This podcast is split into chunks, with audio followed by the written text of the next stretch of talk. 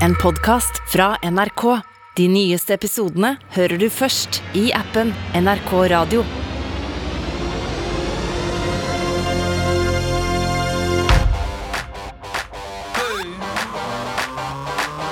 Popkorn over politikk med Sean Henrik Matheson.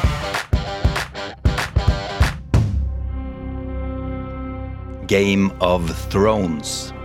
Det er natt i Kings Landing, denne idylliske byen som ligger ved havet, omringet av en høy mur.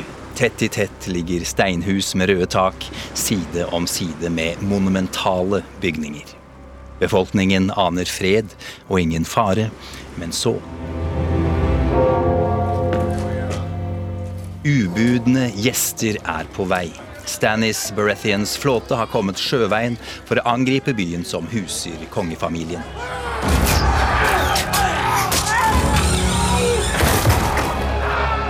Tyrion Lannister, den kortvokste onkelen til Joffrey, den ufyselige kongen, han må ta på seg en lederrolle i slaget.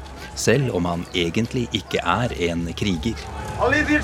For Joffrey, han stikker av til mora si. Fienden står rett utenfor den store porten og hamrer på med en rambukk. Styrkene i Kings Landing er i ferd med å miste motet. Hva skal de gjøre?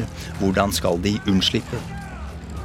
Tyrion, som er kjent for sitt skarpe hode og velartikulerte tunge, har bare sekunder på seg til å finne de riktige ordene. Han vet at nå står det om liv eller død. Don't fight for your king, and don't fight for his kingdoms. Don't fight for honor, don't fight for glory, don't fight for riches because he won't get any. This is your city Stannis means to sack. That's your gate he's ramming. If he gets in, it will be your houses he burns, your gold he steals, your women he will rape. Those are brave men knocking at our door. Let's go kill them! Han fant dem. Ordene. Styrkene får ny giv og nytt mot. We have won.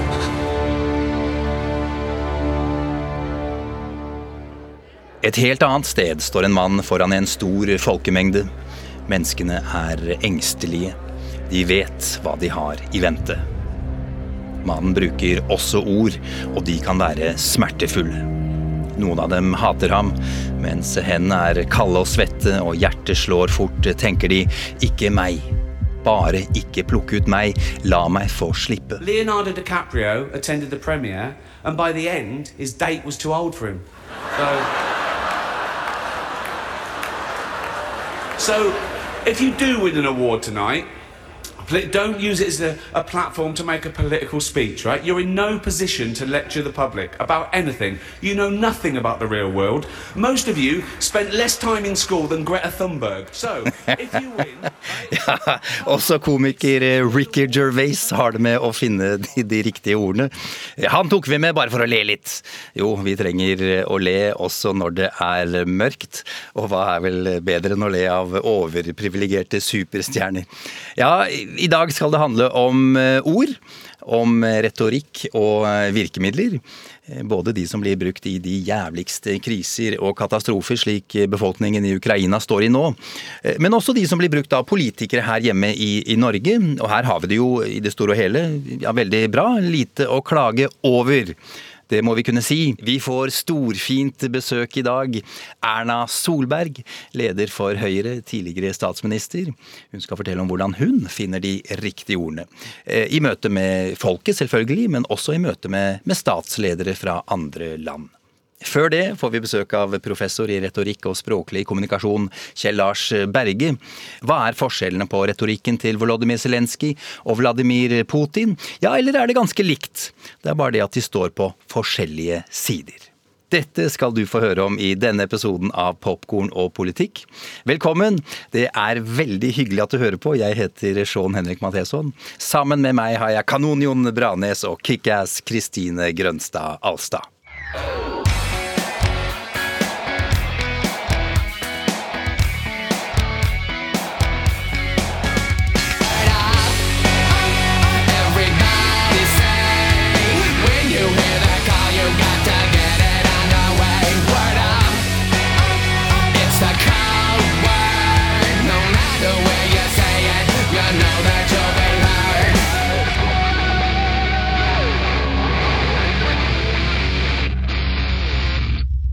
Velkommen, Kjell-Lars Berge, professor i retorikk og språklig kommunikasjon ved Universitetet i Oslo. Takk for det. Veldig hyggelig å være her, da. Det er stas at du Ja. tar turen, Kjell-Lars. Eh, Du skal gjøre oss klokere på hva slags retorikk de to presidentene Vladimir Putin og Volodymyr Zelenskyj bruker, hvilke ord de bruker, hva slags virkemidler de, de bruker. Og så skal vi sammenligne litt. Vi skal ta utgangspunkt i, i talene de holdt eh, 9. mai. Eh, Det meste har jo handla om eh, krig for disse, disse to den siste tida, naturlig nok, eh, med hvert sitt vidt forskjellige perspektiv, selvfølgelig.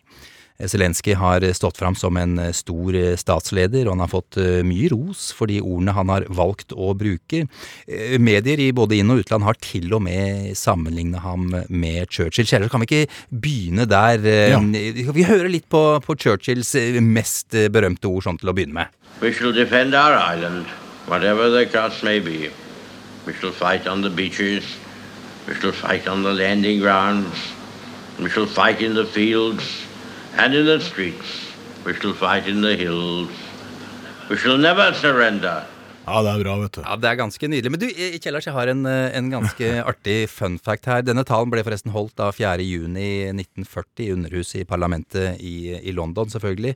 Men det, den originale talen han holdt den dagen, det ble aldri tatt opptak av den, visste du det? visste jeg faktisk ikke. Nei, jo visst Nei. Så denne, det vi hørte nå, det er fra 1949. Det var da han først Ja! Er ikke det, er ikke det rart? Jøss, det var fascinerende. Jo, veldig. Dette var nytt, vet du. Ganske interessant. Ja. En fun fact er sånn Ja, ja, eh, midt oppi alvoret her. Ikke sant? Eh, men eh, ja, vi starter her da, Kjell Lars. Eh, hva mener du om sammenligningen mellom, mellom Zelenskyj og Churchill?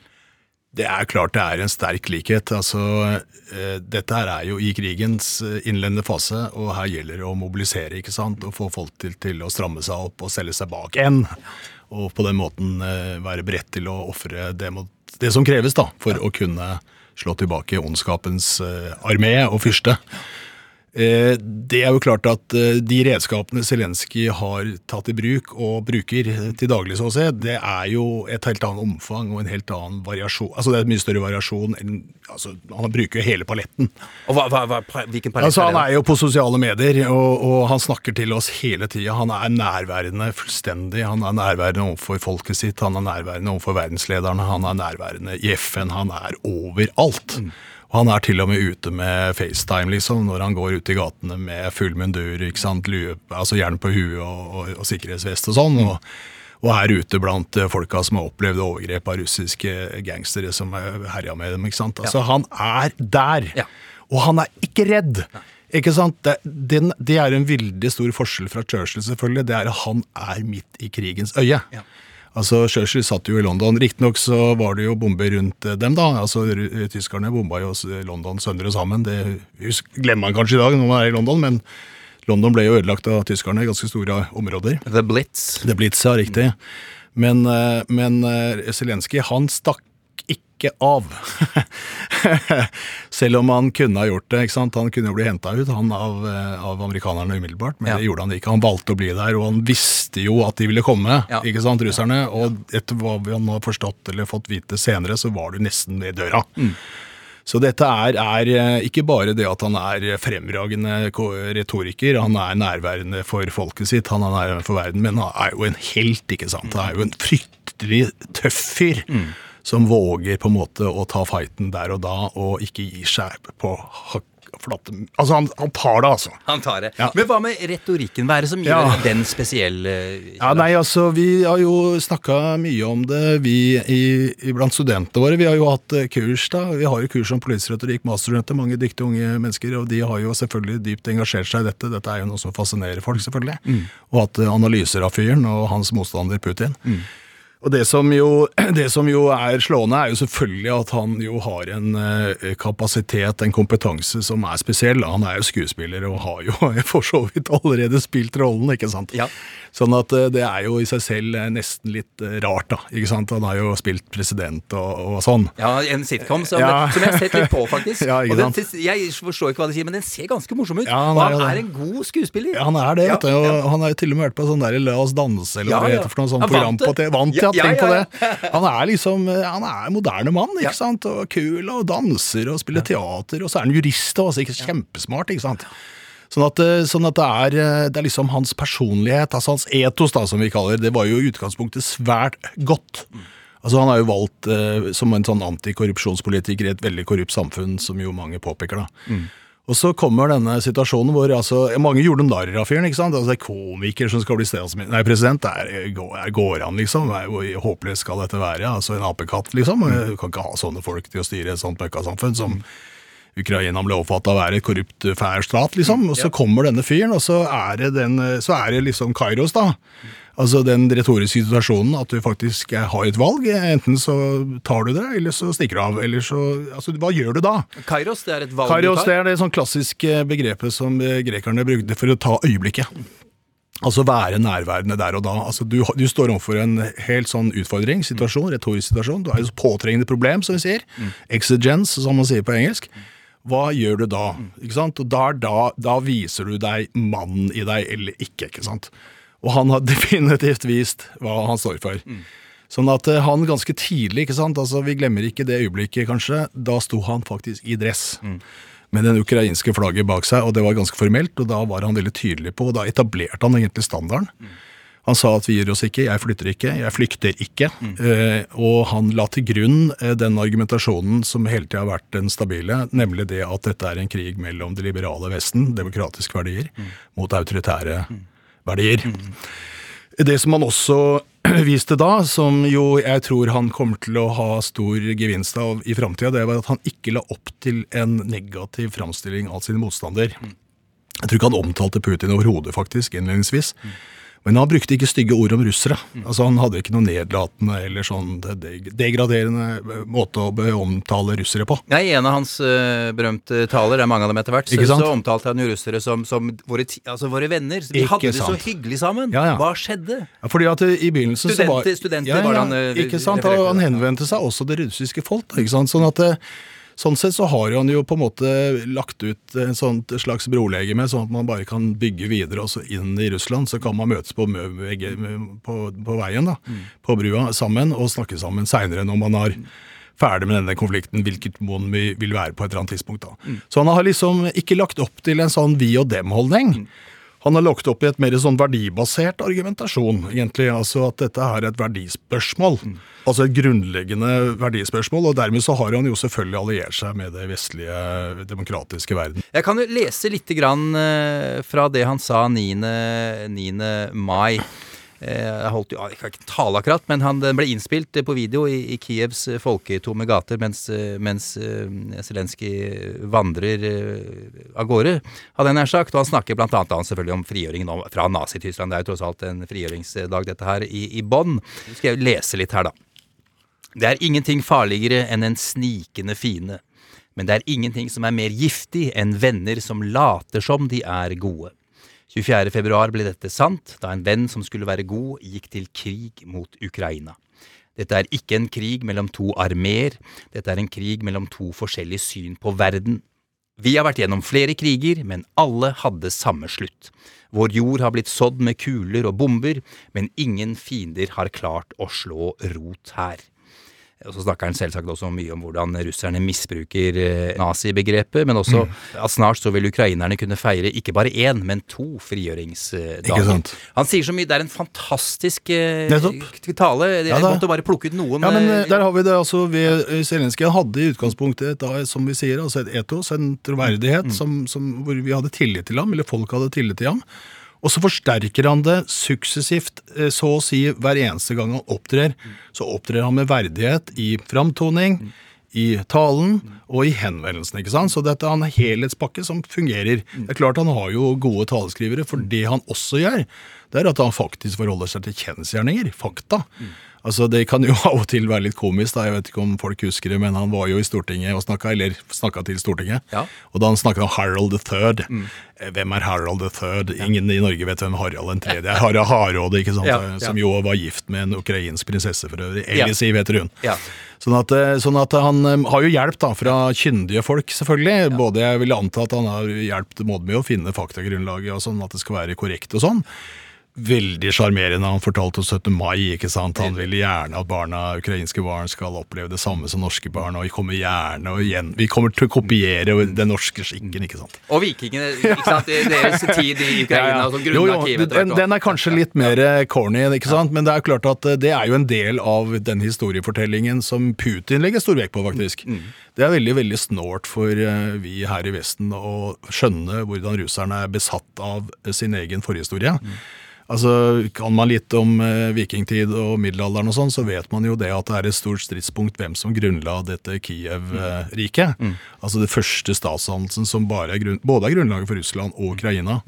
Og Det er jo ikke noe særlig tvil om, tror jeg, hvis man skal være litt objektivt forsker og ikke være nasjonalistisk og sånn, så er det jo klart at det var vikinger. Ja. Sånn at det er, en, det, det er klart det er en sterk forbindelse historisk, men den forbindelsen tror jeg ikke nordmenn er så opptatt av. Nei, nei. Eh, Quisling brydde seg om det, forresten. det høres Han var veldig opptatt av sånt. For han var jo Ukraina, vet du, Ja, ja. eh, som hjelper for. Nansen. Ja. Men nok om det. Han er ikke viktig her. Men eh, for russere er dette viktig. Fordi at eh, For russerne så er det veldig viktig å, å Eller russerne, sier jeg det. Man skal jo ikke si russerne, men den russiske eliten rundt Putin. De er veldig opptatt av at eh, dette er en konflikt mellom eh, Russlands rettmessige historiske interesser. Ja. Altså De bygger opp en historiefortelling, og har gjort det over lang tid, hvor eh, det er snakk om at Russland skal ta tilbake tapte områder, Ja. og de områdene som er kjernen i den russiske identiteten. Og for dem er det farlig, eller Russland så er det farlig å snakke om denne historien på en objektiv måte. For dem er det jo opplagt at det ikke er svenske eller norske vikinger som har grunnlagt eh, det første imperiet i Kiev. Det er, det er selvfølgelig russerne selv, da. Ja. Så at det er, jo, det er jo denne historiefortellingen, men den, den er ikke Zelenskyj opptatt av. Altså for Zelenskyj er jo en moderne mann. For han er det moderne rettsstatlige regler som gjelder. Altså Ukraina er en selvstendig stat, og det er klart vi har rettigheter som alle andre. Vi skal få lov til å bestemme over oss selv. Men Russland de kommer altså med en fortelling om at de er blitt foruretta. Noen har tatt fra dem områdene. de Ukrainerne de driver sånn liksom-krig eh, som egentlig USA står bak, og sånn, så det er sånn konspiratoriske, ikke sant? Og denne fullstendig bisarre forestillingen om at Zelenskyj er sånn kryptonazist, Ja. som jo Tror en på det sjæl, liksom? Altså, Det virker jo helt bisarr. Ja. Altså, Nå var jo Lavrov så tjukk i huet, at, altså utenriksministeren, at han sa at eh, ja, det er jo ikke rart at eh, jødene er jøde-Zelenskyj er eh, nazist. Det var jo også Hitler. Han var også jøde. Det vet vi jo alle. ikke sant? ja, ja. Altså, Det kommer jo fram sånne antisemistiske eh, vrakgods ikke sant, som vi nesten trodde var vrakgods. da. Ja. Intellektuelt sett. ikke sant? Sånn at, sånn at plutselig så viser det seg liksom, Det åpner seg sånn der gap av, av fordommer. Mm. Som russerne rundt Putin, altså det regimet Russland, da, ikke sant, støtter seg til. Men, men kan jo, vi kan, hvis, vi da, hvis vi ser litt Ja, på talen da, til, eh, til, eh, som, eh, som Putin holdt Nettopp. Igjen, Han holdt en tolv minutter lang tale. Jeg, jeg, jeg måtte bare plukke ut her. Men som han sier Vi kalte på Vesten, og vi ønsket dialog. Og Mm. vi ønsket rimelige kompromisser som ville, tjene oss alle. Men det nyttet ikke. Nato-landene ville ikke høre på oss. Og det betydde at de faktisk hadde andre planer. De planla åpen en aksjon mot Donbas for å invadere vårt historiske land. ikke Der har vi det. Der har vi det. I Kiev snakket de om atomvåpen, eh, og derfor har de da blitt en uakseptabel trussel. Det måtte bli en konfrontasjon mellom oss og nazistene igjen. Ikke sant. Altså, du vet at Når man snakker sånn, så låser man jo egentlig alle dører. Da bare bang, slenger man døra midt i trynet på sin samtalepartner. Men hvordan vil du beskrive Putin sin retorikk, da? Hva, Nei, det, han, ja. er jo, han er jo fascinerende på mange måter i den forstand at det er litt ubehjelpelig òg. Han er autoritær, eh, totalitær preget eh, type. Eh, ikke sant? Han er jo gammel KGB-agent, har mistillit til alle og sånn. ikke sant? Ja. Men det som, eh, det som forundrer meg, liksom, det er at han eh, i så liten grad henvender seg ut til resten av verden på en troverdighetsskapende måte. Altså Han inngir ikke tillit. ikke sant? Det er veldig lite det han sier som gjør at selv tilhengere av Russland på en måte kan gripe fatt i som, som sannferdig. For det er så urimelig, ikke sant? Ja. Altså, han er jo ikke nazister i Ukraina. Nei, men, men bry, han bryr seg åpenbart ikke om det, for det er vel, det er Nei, vel sin, sin egen befolkning han er opptatt av, det er og, er og fòre med løgner det er og, jo, og og det er jo det, da. ikke sant? Altså, det er helt åpenbart en konspirasjonsteori mm. som virker i det russiske folk. Eh, Hvis vi ser litt på, på Putin og ordene han bruker, er det, er det noe sånn typisk typiske ting han sier? Er det noe sånn 'dette er typisk Putin', eller er det noen typiske grep som går igjen, som man kan kjenne igjen, liksom, som, som kjennetegner måten han Nei, på? altså han er jo, Hvis man nå er litt uh, nøkternt analyserende, så er han jo en argumenterer jo ganske sånn saklig. altså Han er ikke noe sånn, eh, han er ikke Goebbels. Nei. Utrolig nedlatende holdningen som Putin viser overfor sin motstander Zelenskyj og ukrainerne. altså Han beskylder de for å være nazister. Ja. Og det, det er bisarr. Ja. Bizarro. Det kan man ikke si annet om, altså. Går an å sam... Altså, er de Er de like, på en måte? Bruker de de samme virkemidlene? Nei, eh, er du gæren? Altså, Zelenskyj er, er jo retoriker av Ja, første rang. ja, det er jo ja. ikke nærheten av Putin. Ikke sant? Altså, Zelenskyj det er en helt annen kroppsholdning, nærvær, altså alt sånn eh, aktio, som vi sier. Det er jo, han er jo bare der. Han, er jo, han er jo midt i ruta. Han er jo snakker til deg, liksom. Ja. Og han er jo, eh, har jo justerer argumentasjonen sin i forhold til mottaker på en helt suveren måte. Han er kunnskapsorientert, han er saklig. Men hele tida så gjelder jo den grunnleggende premissen, altså det som vi kaller hjemmel, som sagt, at dette er en krig mellom demokratiet og det totalitære. Så det går igjen og går igjen og går igjen. Så han gjentar det samme utsagnet. Det som han og det som han også gjør, da, som jo selvfølgelig ikke Putin gjør, det er jo at han appellerer. Han er jo litt sur av og til, Zelenskyj faktisk. Han irettesetter jo sine støttespillere. Ja. Og det er jo et spill som er litt vanskelig å spille. Fordi at det er klart han kan jo oppleves som å være litt sånn frekk og sånn. Han har jo vært eh, rimelig tøff på tyskerne, f.eks., eh, som jo selvfølgelig er litt mer forsiktige enn andre av historiske årsaker. Ja. Men, eh, men han har også liksom etterlyst ikke sant, at man skal eh, da eh, etablere sånn eh, ikke-flysone over Ukraina ved hjelp av Nato-fly. Det virket jo Han skjønner ikke sant, at han ikke kan få. Men eh, dette spillet er jo fascinerende, fordi at eh, han vet jo at han ikke kan få alt han ber om, men han presser, presser, presser, og så driver han på en måte disse regjeringene i vestlig verden litt på defensiven, da, sånn at de må etter hvert gi seg. Men det, jeg synes det, er, det som er veldig interessant med han også, det er jo en annen ting her, altså som, eh, som jo jeg åpenbart tror jeg også preger Putin, særlig den 9. mai-talen, som jo mange forventer seg mye av. Altså mange, mange trodde jo at Putin her skulle komme med et utspill som på en måte skulle etablere en ny type situasjon, altså type krigssituasjon for eksempel, for det er jo formelt sett ikke krig i Russland. Men det som eh, det, vår venn Zelenskyj gjør, ikke sant, han, han har jo skjønt at dette han sier virker. Eh, Jeg eh, hørte på en eh, kar som har vært sjef for Forsvarshøgskolen i Sverige. Og sånne folk er jo nøkterne typer. De sier jo ikke ting som de ikke står inne for. Nei. Så man kan egentlig stole litt på sånne militæreksperter, syns jeg. I hvert fall de skandinaviske. Og han sa det at en sånn fyr, han er verdt tre bataljoner. Ja, ikke sant? Så han er jo hele tida sånn oppviglende og oppfordrende og står på til siste øyeblikk, da. Så det er denne enorme evnen til å justere seg og hele tiden være online. Det har vi aldri sett i verdenshistorien. Det er helt nytt. Det er helt uh, nytt. Eh, Kjell Lars, eh, sånn til uh, på slutten her eh, Litt stort eh, spørsmål, kanskje. Kanskje det er selvsagt, kanskje det er dumt. Kan ord endre verden? Selvfølgelig, ikke sant. Altså, Selvfølgelig. ja, men, men, men vet du hvem jeg tenker på når jeg tenker på Zelenskyj? Det er egentlig ikke vår venn eh, han Churchill som vi hørte på innledningsvis. Det er den gamle, gode eh, Perikles i det gamle Aten. Han har vi ikke opptak av, dessverre. Han har vi ikke opptak av, men jeg heller, vet, vet heller ikke hvordan han snakker, men vi var bare vitner om hvordan han snakka. Ja. Og han var jo også en Zelenskyj Ja. eh, som redda eh, Aten og grekerne mot perserne. Ja. Og dette her er jo den store myten Ja. i, i, i gresk historie, men som vi i Norge og verden jo den dag i dag kan huske via maratonløpet, ikke sant? Nettopp. For det var jo maraton. Han løp til Katén og fortalte 'Vi vant!' Ja. Og eh, Perikles han oppildna jo nettopp. Han tok ordet, og han snudde opinionen. Han sa 'vi slåss til sistemann, vi vinner'. Sånn at uh, ord former og endrer verden, det er ingen som helst tvil om. Det er derfor det er så farlig, vet du. Ikke sant? Altså makt i ord, altså. Kjell Lars Berge, tusen takk skal du ha.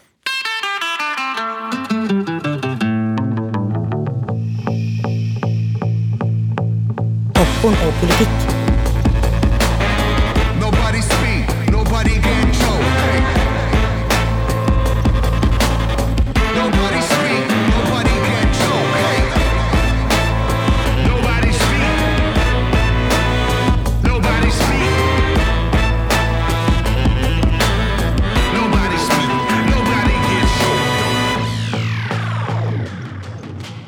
Erna Solberg, leder i Høyre, tidligere statsminister. Det er stor stas og en glede å ha deg på besøk her i Popkorn og politikk. Veldig hyggelig å være her. Eh, Nå hørte vi akkurat eh, retoriker Kjellars Kjell Lars eh, Berge snakke om hvordan både Zelenskyj og Putin snakker, og hva slags grep de eh, bruker eh, i retorikken sin. Og bare for å ta det med en gang, retorikk er altså kunsten for å tale for og overbevise med språklige midler. Overbevise er jo stikkordet her.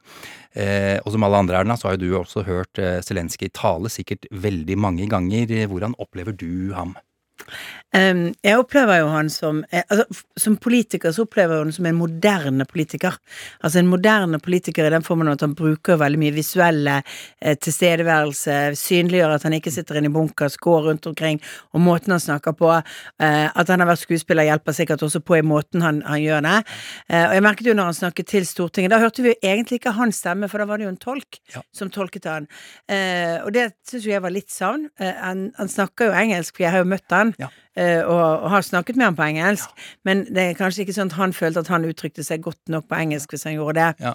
Men han eh, Altså, han bruker jo sånn eh, skape Um, fellesskapsfølelse, at vi skal forstå hva de står oppi, at vi skal føle at vi er en del av felles Altså eh, en del av um, den fellesfølelsen. Jeg husker jo særlig at han sa den første fra Den røde armé som kom inn i Kirkenes, var en, eh, var den, eh, var en, var en fra Ukraina. Vi husker, altså sånn, viktig å huske liksom det at det var Den røde armé. Det var ikke russerne, det var veldig mange andre land. Akkurat som veldig mange av de som døde Altså de som døde flest på norsk jord i andre verdenskrig, er jo folk som kom fra Sovjetunionen og som var straffanger. Mange av de var ikke russere, de var fra Ukraina og andre deler av det, men det er mange russere òg.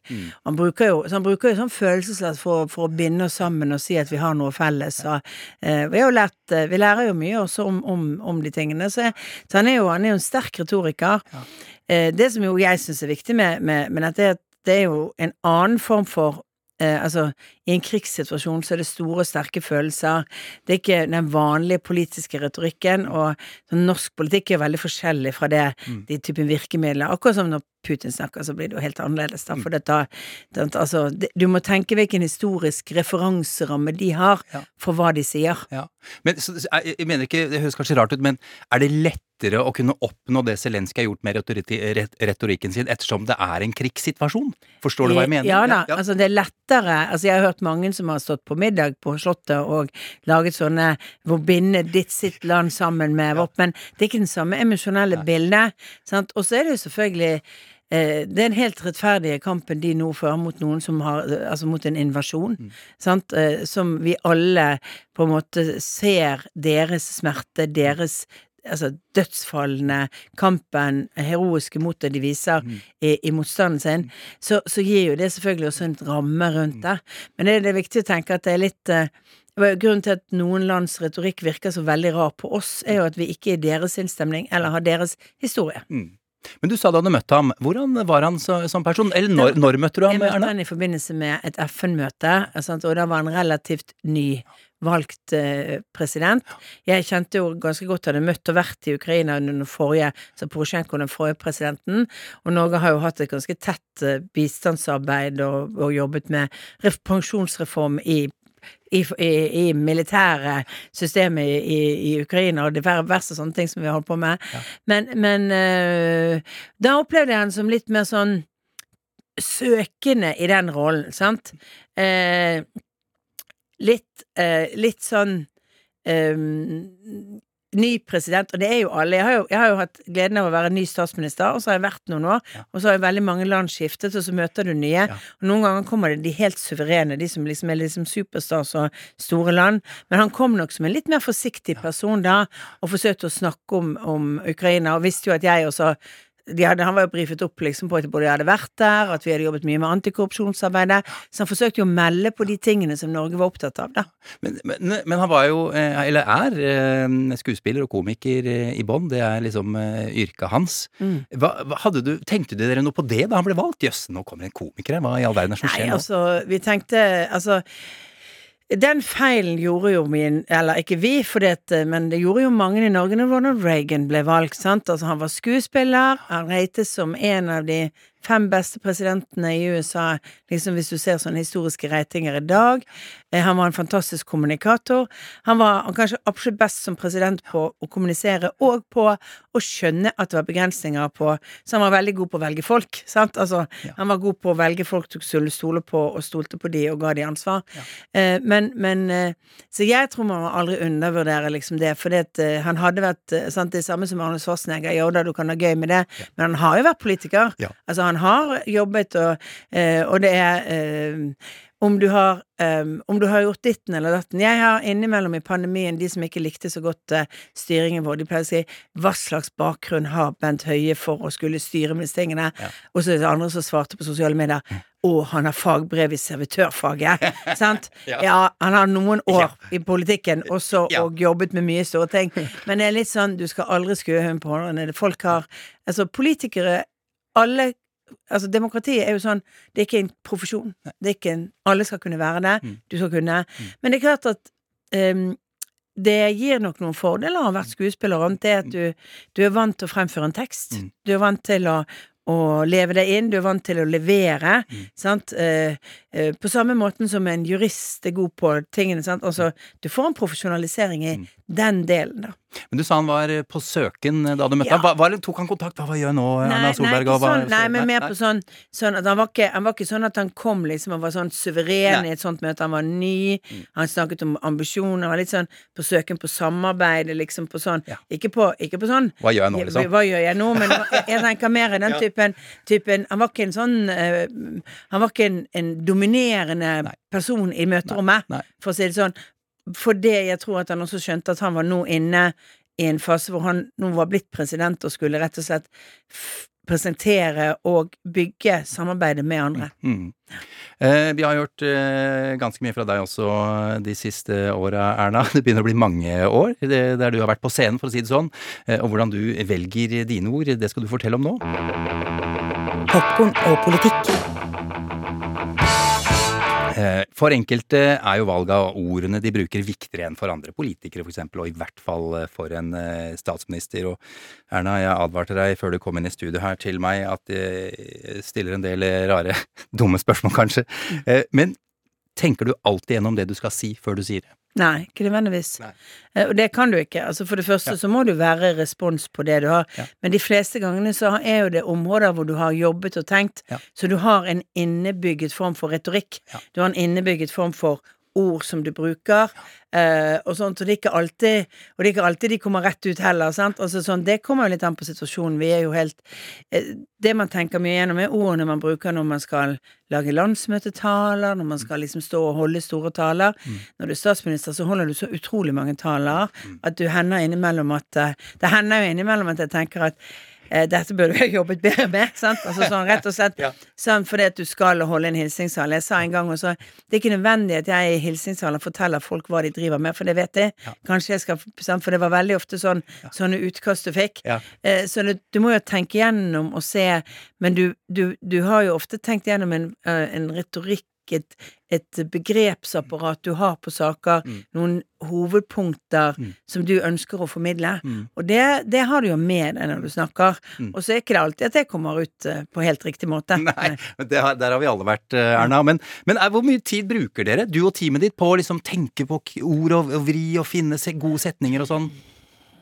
Litt av meg, altså bruker jo tid på, på mest tid på innhold, Ja. men så bruker man jo litt tid på altså eh, på noen sånn hva hva er begrepet som sammenfatter eksempel politikken vår på et område, eh, sant, som kan på en måte bygges, og som kan sant, altså, eh, Litt sånn slagordbiten, og så må du liksom bevise på de slagordene.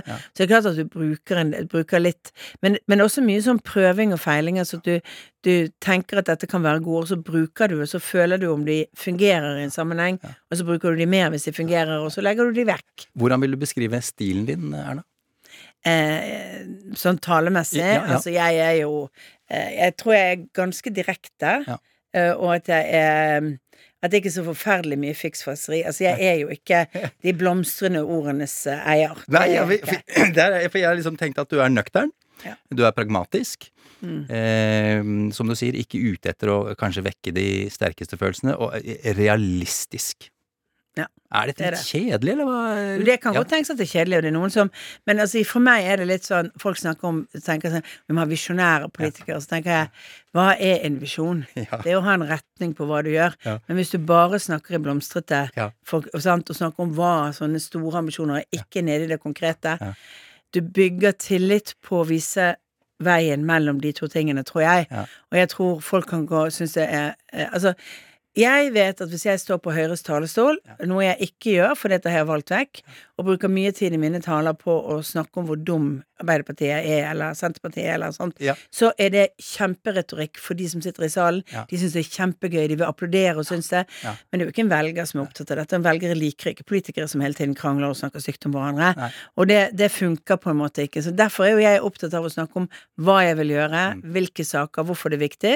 Og hvis du skal bygge følelser, så syns jo jeg ofte at å bruke eksempler er bedre enn å bruke veldig blomstrete ord. Så du ville aldri sagt dette her, Erna? Det er vår månelanding. Nei, øh, øh, jeg tror ikke Jo, kanskje Kanskje du ville sagt det? Nei, ikke det, men, men jeg er blitt spurt veldig mange ganger om Er dette månelandingen deres. Jeg, det ordet ville jeg nok ikke brukt. Nei, der kommer det! Det, det er nydelig, Erna. Dette Fordi at eh, ja. dette er jo faren, liksom, hvis du liksom tar en stor historisk begivenhet, og så putter du noe inn. Det funker akkurat der og da.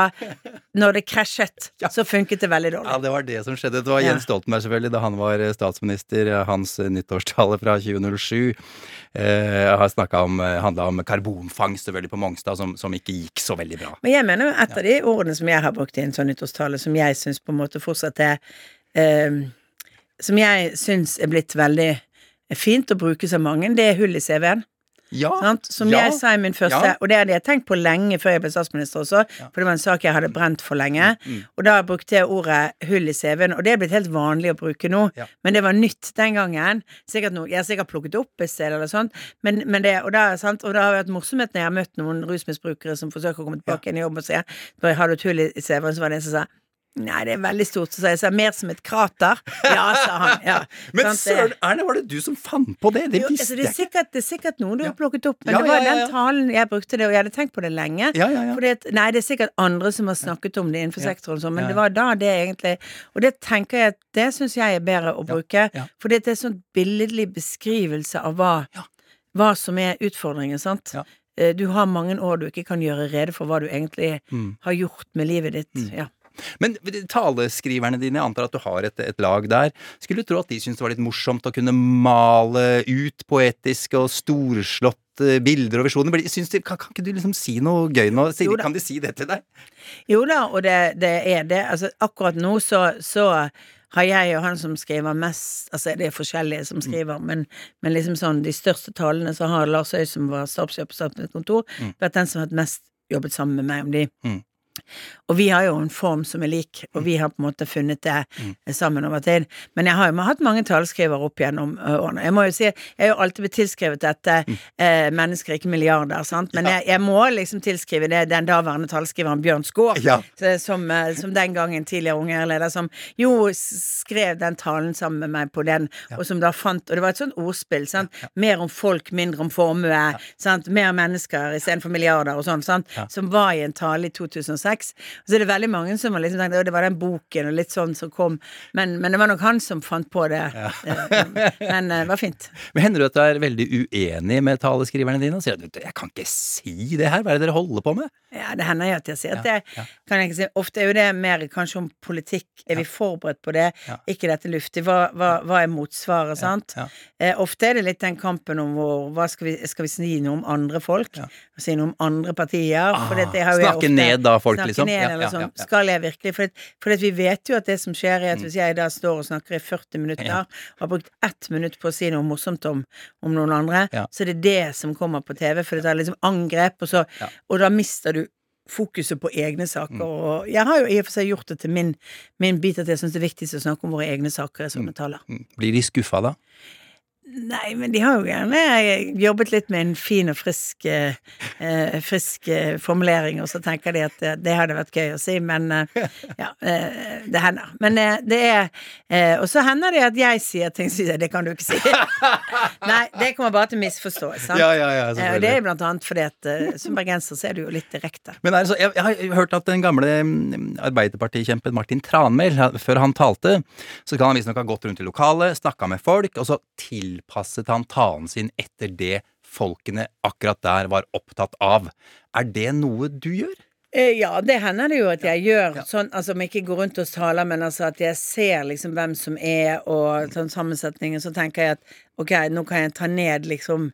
Du har jo ofte en litt sånn skisse av en stumptale, en sånn 'Dette er hovedbudskapet vårt for tiden', og så ser du utover forsamlingen, så tenker du Ok, dette er en forsamling hvor uh, Leve hele livet, eldreomsorg og, og aktiv alderdom. Kanskje passer bedre enn å snakke veldig mye om fraværsgrensen i videregående Ja, skole. sant? ja, altså, ja. litt, litt sånn Ja, gjør du jo, sant? ja. og legger litt mer vekt på, ja. på ulike deler av det. Men ofte så vet man jo det på forhånd, sånn at man har på en måte tilpasset før man kommer. Man vet hvilken forsamling man skal, skal snakke i. Og så hender det jo at eh, du skjønner at eh, Det har jo hendt, og det har hendt som statsminister, bare skjønt når jeg kom til sted, Mm. at de som har gjort forberedelsesarbeidet, de har ikke truffet. Så her er det egentlig bare å eh, holde sin egen tale.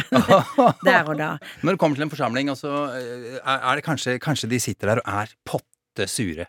Eller er de kjempeblide og glad, og det er full fest? Hva, må du liksom forholde deg til det på noen måte også, Ja, ja. antar jeg? liksom? Du må Du må, lese rommet, eller Du må lese litt rom, og du må føle på stemningen. Og det er klart, det er, klart uh, er folk i veldig god stemning og, og sånt, sant, så er det lettere at du kan legge inn noen Mm. vitser eller noen uh, småmorsomheter, eller forsøke å liksom dra på det. Uh, det kan være at det er også lurt når folk ser litt sure ut, men man passer litt på dem, sant, for, for det kan jo være at det er det som skal til for å Ja. ja. Standardvitsen er liksom at du Eller standardgreiene er ofte bare å se rundt og så se på folk når du ser, begynner å snakke og si at Ja, jeg ser liksom at uh, at eh, de fleste her er jo enten eldre eller liksom yngre, eller de har ikke samme hukommelsen, dette husker ikke de, eller Altså liksom noe som refererer til folk. Det er liksom sånn at du har sett det. Ja. men, men har du en standardvits? Ikke det? litt sånn, altså, nei, men men sånn, sånn kommentar, frase, ja. sånn kommentar som du kan ha, liksom, med sånn, sånn som, som, som ofte går liksom på, på sant? Jeg har jo vært i mange øh, øh, s- steder hvor du Veldig mye menn. Og hender det jo liksom sånn at jeg sier eh, eh, 'mine herrer' og eh, 'fru dame'. Også sånn, sant? Litt sånn, eller greit, litt ja. sånne småting. Men Ja, det, ja. er, eh, det er også av og til bare en påpekning om at du kanskje føler at det er ja, dårlig balanse. Men det kommer jo mest på innskytelse. Ja. Det er jo litt Ja. ja. Ja. Og du må lese. Ja. Og så må du tenke liksom hvilke forventninger. Folk har jo forventninger. Kommer du som statsminister, så har de jo forventninger om at du tar de seriøst. Og det tenker jeg du skal ha respekt for forsamlinger, uansett hvem du er. Ja. Um, nå for tida går det jo veldig bra for partiet Høyre. Dere er høyt oppe på, på meningsmålingene. Eh, snakker du Bruker du andre ord når det går bra, enn når det f.eks. går dårlig på meningsmålingene? Um, ja, altså, jeg bruker andre ord uh, for å forklare meningsmålingene. Men uh, det er jo og, det er jo ikke grenser for hvor mange ganger. Det er jo sånn ni meningsmålinger i måneden, og, og liksom, når folk helt seriøst kommer og sier at nå har dere falt 1,5% så vet jeg at det er ikke signifikant. Altså det er statistisk sett betyr det egentlig bare at du står stille, fordi det er liksom en sånn Og så i tillegg så, så vet du at det er en meningsmåling du har kommentert til en annen som hvor du har gått frem, Ja, ja. så blir det liksom Hva skal jeg sant, sånn. Men så må du samtidig ta liksom seriøst, for det er sånne oppslag om at man bryr seg ikke om hva velgerne sier, eller sånt, det er heller ikke noe bra. Så du må jo legge deg litt i selen hvis det går dårlig, sant, og ta på alvor eh, dårlige meningsmålinger og si at du skal altså, brette opp ermene og jobbe bedre. Og så er det veldig viktig å, å, altså, å unngå fallgrupper som liksom virker som du skylder på andre, eller skylder på ting. Og, og Derfor blir det ofte litt sånn floskel. Går det dårlig, så sier man ja, vi kommuniserer litt for dårlig, vi får ikke frem sakene våre, vi bretter opp ermene og står, sånn. Men det er også fordi at hvis du begynner å, begynner å forsøke å forklare ja, de og de saker sant? Så, for, så, så blir det et inntrykk av at du enten forsøker å unnskylde eller bortforklare, Ja. eller at du eh, Eller at du forsterker et eller annet negativt inntrykk. Så det blir jo det, Da blir det jo ofte litt sånn floskelpreget. Det, ja. Men, men går dere da Hvis det går dårlig, da så, så, sier jeg, er, Men er det noe vi sier feil nå? Går dere gjennom den runden der, liksom? Ja, hva- vi vi ja. går, jo, går jo gjennom, og vi jobber jo mye med det. Altså, vi kan ø, Å vite hva som er grunnen. Altså, det er klart ø, du kan få en dårlige ø, meningsmålinger på grunn av en helt enkelt og klar sak. Et eller annet som har skjedd. Det har vært en skandale. Det har vært sant, altså, uro. vanskeligheter med å lage budsjettforlik i Stortinget, som vi hadde i, noen ganger når vi satt i regjering. Sant? Så, så ser du liksom at vi faller på meningsmålingene eh, fordi at det er uro på borgerlig side, eller sånne ting. Eh, da, da vet du jo at det er eh, er årsaken, men du kan også si at av og til så vet du ikke helt hva som er årsaken. Og da er det jo viktig å tenke gjennom Er det sånn at det budskapet vi har nå, ikke når ut? Skjønner ikke folk det? Hva er det? Er det fordi de ikke er interessert i de sakene? Og det at vi måler jo mye, politiske partier måler jo mye på sånn, men av og til så tenker jeg at vi bruker mye ting på å måle hva, hva, hvilke saker er viktige, hva betyr noe for deg, men du måler kanskje litt mindre eh, liksom Hva oppfatter man av hva folk sier? Hva, hva klinger, på en måte? Forstår folk hva vi snakker om? Men det er også veldig dyrt å måle. Ja, ja. Oh, ja, det koster penger, det. Å ja, det, det er veldig Det er sånn, Da må du ha fokusgrupper, Ja, og så må du ha folk som sitter der, Så er det en veldig dyr greie å gjøre liksom på, på sånne ord og begreper. For det, eh, det er ikke bare sånn ringe på telefonen og spørre hva Ja. Gjør ikke det hver 14. dag, med andre ord. Nei, det, det er dyrt, og det, kan du, det, det har vi ikke råd til å gjøre mye. Um, Barack Obama er jo kjent for å ha holdt eh, mange veldig gode taler. En av de mest kjente er da han var hovedtaler på Demokratenes landsmøte i 2004. Og det var jo denne talen som, som virkelig satte ham eh, på det politiske kartet, for å, for å si det sånn. Vi kan høre litt fra den. There is not a liberal America and a conservative America. There is the United States of America. There is not a black America and a white America and Latino America and Asian America. There's the United States of America. Han skrev eh, denne talen selv uten eh, taleskrivere. Senere skulle han selvsagt eh, bruke det, men de gangene taleskriverne hans eh, da i senere tid satt fast da de skulle skrive noe til ham, så, så gikk de ofte tilbake til denne talen Mm. her, eh, Erna. Eh, Har du en slik tale som du liksom Ok, nå må jeg lese den, for da løsner det her. Det er jo litt den talen fra 2006 da, som vi holdt, som, som da på en måte markerte at vi eh, tok inn over oss at vi hadde eh, gjort et dårlig valg i 2005. Det var da formuleringen om eh, eh, mennesker, ikke milliarder, var da vi også vedtok eh, nytt eh, på en måte prinsipp Altså sånn eh, og, og, Altså muligheter for alle. Eh, det er en del, er en del kilder som går tilbake til, til da. For det var jo en, en syntese av det politikkarbeidet vi da drev på med å eh, se på hva gjør at vi satt fire år i regjering, jo, gikk på et stort tap. Eh, hva er det med vår kommunikasjon, hva er det med våre saker, hva er det vi ikke får frem? Som sant? Og da, da definerte vi for eksempel det vi kaller ny sjanse, som er dette med å gå inn og se på hvorfor står folk utenfor arbeidslivet. Du trenger en ny sjanse, som i og for seg hull i CV-en er en, en del av liksom hele bildet rundt, rundt eh, sant? Alle fortjener å få ikke bare én, men flere nye sjanser. Altså litt sånne, sånn som blir en sånn prinsipiell eh, tale. Eh, og der er det jo sånn du kan gå tilbake igjen og se på, fordi den har et både litt sånn ideologisk tilsnitt, men også eh, Og så eh, er det, er det jo områder hvor du henter retorikk. Noen talere er jo full av liksom politikk fremme på et område. Kan du gå tilbake igjen og hente liksom litt retorikk fra det. Men den, den talen er kanskje den som er viktigst i forhold til det. It's nothing to promote. There's no strategy. There's no remedy. No apology. Nothing to promote. No posing, no bragging, no filter, no shelter. It's nothing but the truth. Wide open. Popkorn og politikk. There's nothing left to hide under the surface. Nothing can hurt us. No hidden purpose claims to deserve us. The end of the circus is making me nervous. Oh yeah, yeah. Er det um, noe du tenker tilbake på og tenker å gud, jeg skulle ønske jeg aldri sa akkurat det? Eh, nå har jeg gjort det til en vits, altså, men eh, etter hvert at jeg skulle aldri brukt de ordene. Men eh, Du tenker på denne her, Erna? eh, jeg ville ikke brukt ordet Det var det beste vi fant, faktisk. Det er vanskelig det- å finne opptak av det. Nei, vet du at jeg har nesten ikke sagt det heller. Nei, det, det, Det er det som er sannheten. Jeg har sagt det, jeg tror det er to ganger jeg har sagt det, men det er brukt så mye av alle andre, så nå bruker jeg det som en vits Ja, da innimellom, som jeg gjorde tidligere. Ja, ja, ja, ja. Sant? Men, men, men, men det er eh, Det er liksom det, det viser jo liksom styrken i det der når folk har humor, bruker det mot deg, Ja. og humor og alt mulig sånt. Ja. Uh, og for eksempel så er det noen som mener at jeg har sagt det for eksempel i forbindelse med Sylvi Listhaug-posten, som jeg aldri sa det i forbindelse med. Nei. Og jeg måtte gå til etterrette med en del journalister sier, sant, og andre sånt. Men det er fordi at noen skaper det bildet, og det er jo alltid faren med en eller annen form for frase du bruker, så brukes den på en annen måte etterpå. Og det er jo eh, det, det er litt sånn gøyale Ja. fraser kan alltid vendes også. Men tenk, blir du sånn Å, gud, kan ikke folk bare slutte å si det der nå? Nei, altså jeg har avslappet, men, men det er litt sånn Når folk bruker det uh, liksom seriøse artikler, skriver at jeg har sagt om saker jeg ikke har sagt i det hele tatt, Ja. og vi har brukt helt andre ord enn de sier jeg har brukt, Ja. for å si det sånn, eh, så er det eh, sant, hvor jeg faktisk har adressert eh, både sant, så skaper de en fiksjon rundt det, og så når mange gjør det, sant, så blir det også en liten politisk utfordring. Ja. Det har jo hendt eh, at du har eh, lest taler som eh, du eller dere ikke har hatt noe med å gjøre. Eh, Vi kan jo høre på dette her. Det er litt eh, dårlig lyd, så du må spisse ørene du som hører på nå.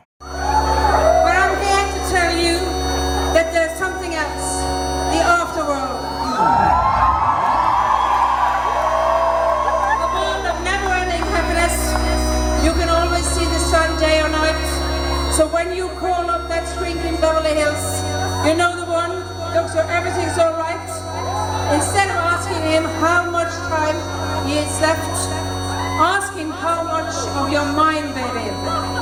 Because in this life, things are much harder than in the afterworld. In this life, you're on your own. And if the elevator brings, tries to bring you down,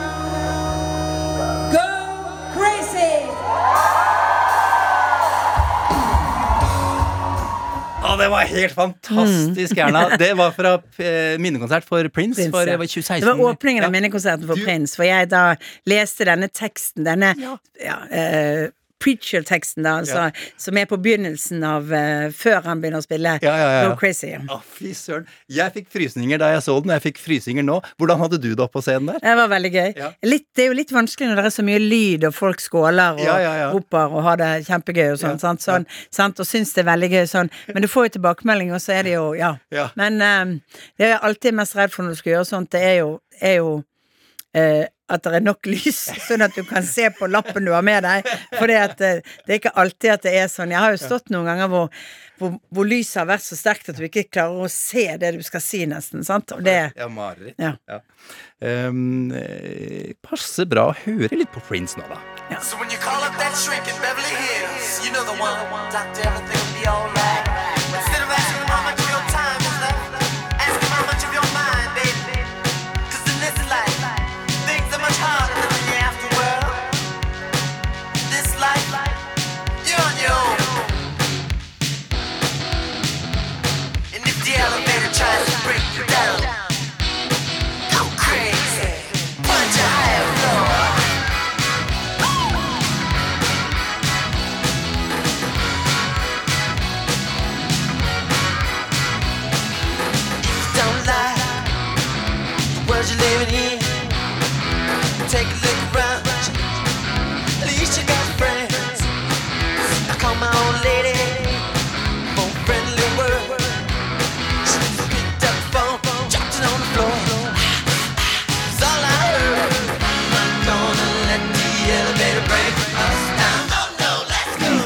snakker vi om, om ordet, eh, og som statsminister så har du jo i, i mange år så har du jo møtt eh, statsledere fra ja, kanskje ikke de aller fleste land, men jeg kan ta i, men i hvert fall for de som har hatt eh, betydning for, for Norge.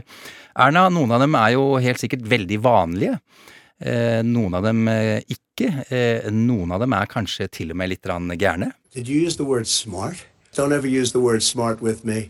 Don't ever use that word. Oh, give me a break. Because you know what? There's nothing smart about you, Joe. Uten å nevne navnet, Mm. Erna. Hvordan forberedte du deg til møte med ledere i den siste kategorien? Ja, altså det viktige er jo at når du er norsk statsminister, så er du opptatt av å ivareta norske interesser. Eh, I motsetning til det ofte media spør om, og det mange vil, er at du skal lekse opp for alle mennesker. Det er ikke ivareta norske interesser. Det å ivareta norske interesser er jo for et land som USA, som er vårt viktigste sikkerhetssamarbeidspartner på alliert eh, eh, Hvor det er viktig liksom med mye av samarbeidet. Eh, og eh, så er det jo så er det jo å tenke hva er det som er viktig, og der gjorde jo ambassaden vår en veldig god jobb, for de, de skjønte at han var opptatt av eh, business, han var opptatt av hva slags, eh, hva slags budskap kan vi ha, så de hadde til og med laget en liten bok om alle arbeidsplassene i USA som egentlig kom av norsk samarbeid og norske bedrifter og alt mulig sånt, ja. og du kunne, og i tillegg så var det jo det, det at vi hadde underskudd på handelsbalansen, det var liksom et sånn, så det var, gjaldt jo liksom å Eh, for han hadde jo noen ting vi, eh, vi visste vi ikke kom til å få liksom applaus for. Men da gjaldt det liksom å snakke om de tingene som, som, eh, som var viktige, og hvorfor samarbeidet var viktig. Og så var jo Eh, så, så var jo han, Vi hadde litt sånn smalltalk før vi begynte ordentlig møte, og da var han jo egentlig mest på sånn litt andre ting. Altså Han lurte på er det noen fine skisteder i Norge. eh, sant? Og litt sånn Og hvor mange flyktninger eh, Er det et problem med innvandring? Det var, det var hoppet litt rundt omkring, så det var ikke alt jeg var forberedt på da.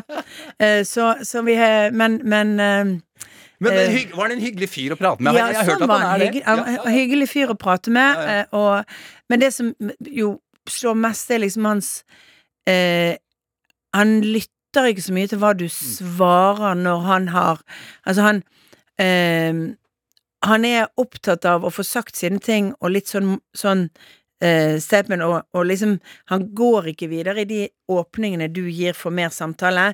Hvis han ikke er interessert, da går han bare sånn, sant. Så, så, men det var gjort. Vi hadde jo Vi var opptatt av at vi skulle sørge for at eh, Norge ble sett på som en god alliert. Mitt problem var jo at jeg skulle jo til Verdens økonomisk forum eh, uken etterpå, og da hadde jo han i mellomtiden, dagen etter at vi var der, sagt dette med hvorfor kommer det ikke flere nordmenn som emigrerer istedenfor fra andre Shitholes, ja, eh, ja, ja. Og jeg måtte jo stå og forsvare liksom hva det var med, med oss nordmenn. Så vi hadde jo iallfall gjort et positivt inntrykk, da. Men, men sånne samtaler, er de, blir de meningsløse? Når han Nei ikke vil høre på deg, og Nei, nei, snakker om Og så er det viktig eh, å huske at sånne samtaler vi sendte oss etter hvert, så var jo både utenriksministeren min med, Hans var forsvarsministeren, altså sant, det var jo flere, sant, og det skrives jo notater, og det blir enighet om ting som kan følges opp, og så jobbes det på andre i administrasjonen. Veldig mange møter når statsministre, presidenter, statsministre som møtes og sånn, det er jo liksom en sånn, nå får våre ambassader og våre folk et push for å jobbe med de sakene, Mm. at det kommer noe ut etterpå, og det er kanskje gjort noe på forhånd, eh, sånn at eh, eh, så det er ikke meningsløst. Men det er klart, det er andre du føler liksom at du får Du liksom føler at her beveger vi oss fremover i, i samarbeidet og finner ting. Altså Macron, for eksempel, er sånn eh, litt sånn eh, tar stokk ut, liksom sier men da er vi enige om at vi gjør de og de tingene, og, Mm. sant, og dette Mm. jobber dere videre med. Altså han er, han er sånn eh, det, er en, det er en eh, helt annen type, type eh, person å, å snakke med, som er opptatt av at det skal komme et, et, et produkt ut av samtalen. Takk og pris for at han ble gjenvalgt, eh, Erna. Eh, Hva så med Vladimir Putin? Han har vi møtt eh, mange ganger. Og hvis vi ser bort fra krigen, det er vanskelig å gjøre, jeg vet det, men, men la oss forsøke. Hvordan har han å snakke med? Altså, jeg har jo møtt han sånn på noen steder hvor jeg har hilst på han og snakket helt overfladisk med han, og så har jeg hatt ett lengre møte. Mm. For han invaderte jo Krim et halvt år etter at jeg var blitt statsminister, og det betød at vi hadde jo lenge ikke noe kontakt. Mm. Men jeg hadde jo et lengre møte med han i St. Petersburg. Eh, altså, jeg opplevde jo han som Altså, han var nok mer at han fulgte linjene og så og fulgte opp og hørte på hva du sa, men jeg oppfattet at du var liksom opp til opp til vurdering. Ja, ja, nettopp, ja. Du følte litt liksom at han satt og kalkulerte når du snakket. Eh, eh, er det noe guts i hun dama der i det hele tatt, eller er det liksom Ja, hva er Åh, men Ja. hvordan føles det, da? Nei, det føles litt sånn Og så var det jo litt anstrengt, sant, fordi Ja. at det var, var midt oppi Frode Berg-saken. Det var NRK hadde jo klart å pense den saken inn akkurat når møtet vårt begynte, som jo vi egentlig ikke skulle ha på dagsordenen. Sorry. Og eh, litt sånt, så så Jeg skjønner nyhetsverdien i den typen ting, men eh, Så jeg, jeg kan jo ikke gi noen vurdering, liksom. Jeg- Men jeg oppfattet han liksom, Han var ganske kalkulerende når han snakket, og at det var veldig sånn programmessig, det som kom. Og så tok han jo med Han vet at Merkel er livredd for, eller i hvert fall redd for hunder, og tok med en diger beist av et bikkje Ja. da de skulle møtes. Du opplevde ikke noen sånne ting? Nei, og jeg er veldig glad i hunder, Ja, så det hadde bare vært fint. Ok. Eh, han eh, Hvordan Språk, regner med at det var tolk, eller? Ja, ja. Hvordan er det for oss det- bli tolk? Eh, det er krevende, men det gir også tenkepauser. Ja, det gjør det, så det er litt deilig også. ganske fint. Altså sånn, når du har tolk, så får du tid til Særlig når det er litt vanskelige møter, så får du tid til å og det er ikke det at ikke Putin skjønner engelsk, eh, og sånt, men nå snakket jo jeg norsk, hadde norsk-russisk tolk, og, og ofte så er det jo sånn at jeg snakker engelsk, og så har de andre, så tolkes det til det språket, altså sånn, Ja. når jeg snakker med andre Eh, og, da, eh, og da føler du jo ofte at eh, Tenker at ofte at de, de får dobbel tid, da. Ja, ja, ja, ja. Men, men er, det, er dere engstelige for noe at det, noe skal bli uh, lost in translation? Vi har, som hver, vi har hver vår tolk, vet så- du. så alt- vi har én norsk tolk, og de har én russisk tolk. Så det blir ikke lost in translation, for de holder seg på.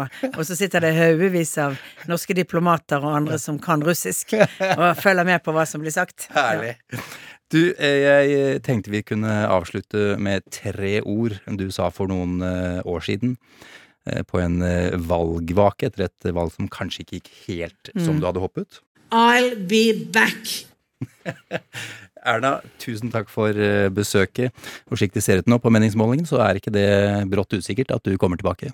Nei da, men det er lenge til neste Det er lenge til neste valg. Tusen takk, Erna. Hyggelig.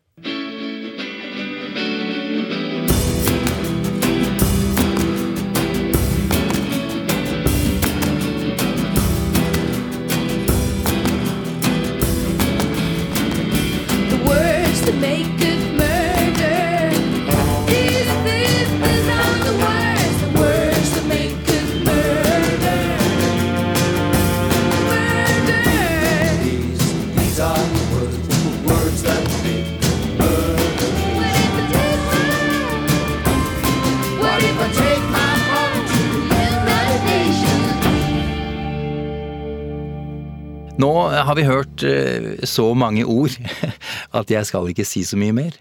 Eh, Men jeg fikk jaggu lyst til å blåse støv av bøkene mine om gresk historie, og lese mer om Perikles, som eh, Kjell Lars Berge fortalte om litt tidligere i dag.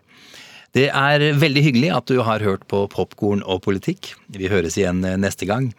Apropos ord, eh, vi avslutter med Kendrick Lamar, helt fersk låt, The Heart Part 5, og hør etter nå. Og når du er ferdig, så kan jeg love deg at du vil starte på begynnelsen med Heart Part 1. Ord betyr noe. As I get a little older, I realize life is perspective. And my perspective may differ from yours. I want to say thank you to everyone that's been down with me. All my fans, all my beautiful fans. Anyone who's ever gave me a lesson, All my people. I come from a generation of pain where murder is minor. Rebellious and more jealous, a chip you for designer. Belt buckles and cloud overzealous and prone to violence. Make the wrong turn, be your will of the will alignment. Residue burn, missed at the inner city. Miscommunication to keep homo detector busy. No protection is risky. Desensitized, I vandalize pain. Covered up and camouflage, get used to hearing arsenal rain. Analyze, risk your life, take the charge. Homies don't fuck your baby mama once you hit the yard. That's culture. 23 hour lockdown. Then somebody called, said your little nephew was shot down. The involved. I done seen niggas do 17, hit the halfway house, get out and get his brains blown out. Looking to buy some weed, car washes played out. New GoFundMe accounts to proceed. A brand new victim of shatter those dreams. The culture.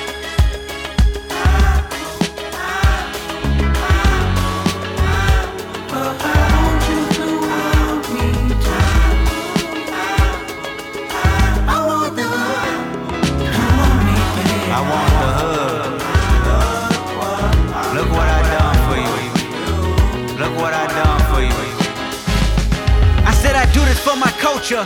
To let y'all know what a nigga look like in a bulletproof rover. In my mama's sofa was a doodle popper, hair trigger, walk up closer. Ain't no photoshopping. Friends bipolar, grab you by your pockets. No option if you froze up. I always play the offense. Niggas going to work and selling work, late for work. Working late, praying for work, but he on paperwork. That's the culture. Point the finger, promote you. Remote location, witness protection, they go hold you. The streets got me fucked up. Y'all can miss me. I wanna represent for us. New revolution was up and moving. I'm in Argentina, wiping my tears, full of confusion. Water in between us, another peer's been executed. History repeats again. Make amends, then find a nigga with the same skin to do it. But that's the culture. Crack a bottle. Hard to deal with the pain when you're sober. By tomorrow, we forget the remains, we start over. That's the problem. Our foundation was trained to accept whatever follows. Dehumanized, insensitive, scrutinized the way we live for you and I. Enemy shook my hand, I can promise I'll meet you in a land where no equal is your equal. Never say I ain't told you. Nah, in a land where hurt people hurt more people. Fuck calling it culture.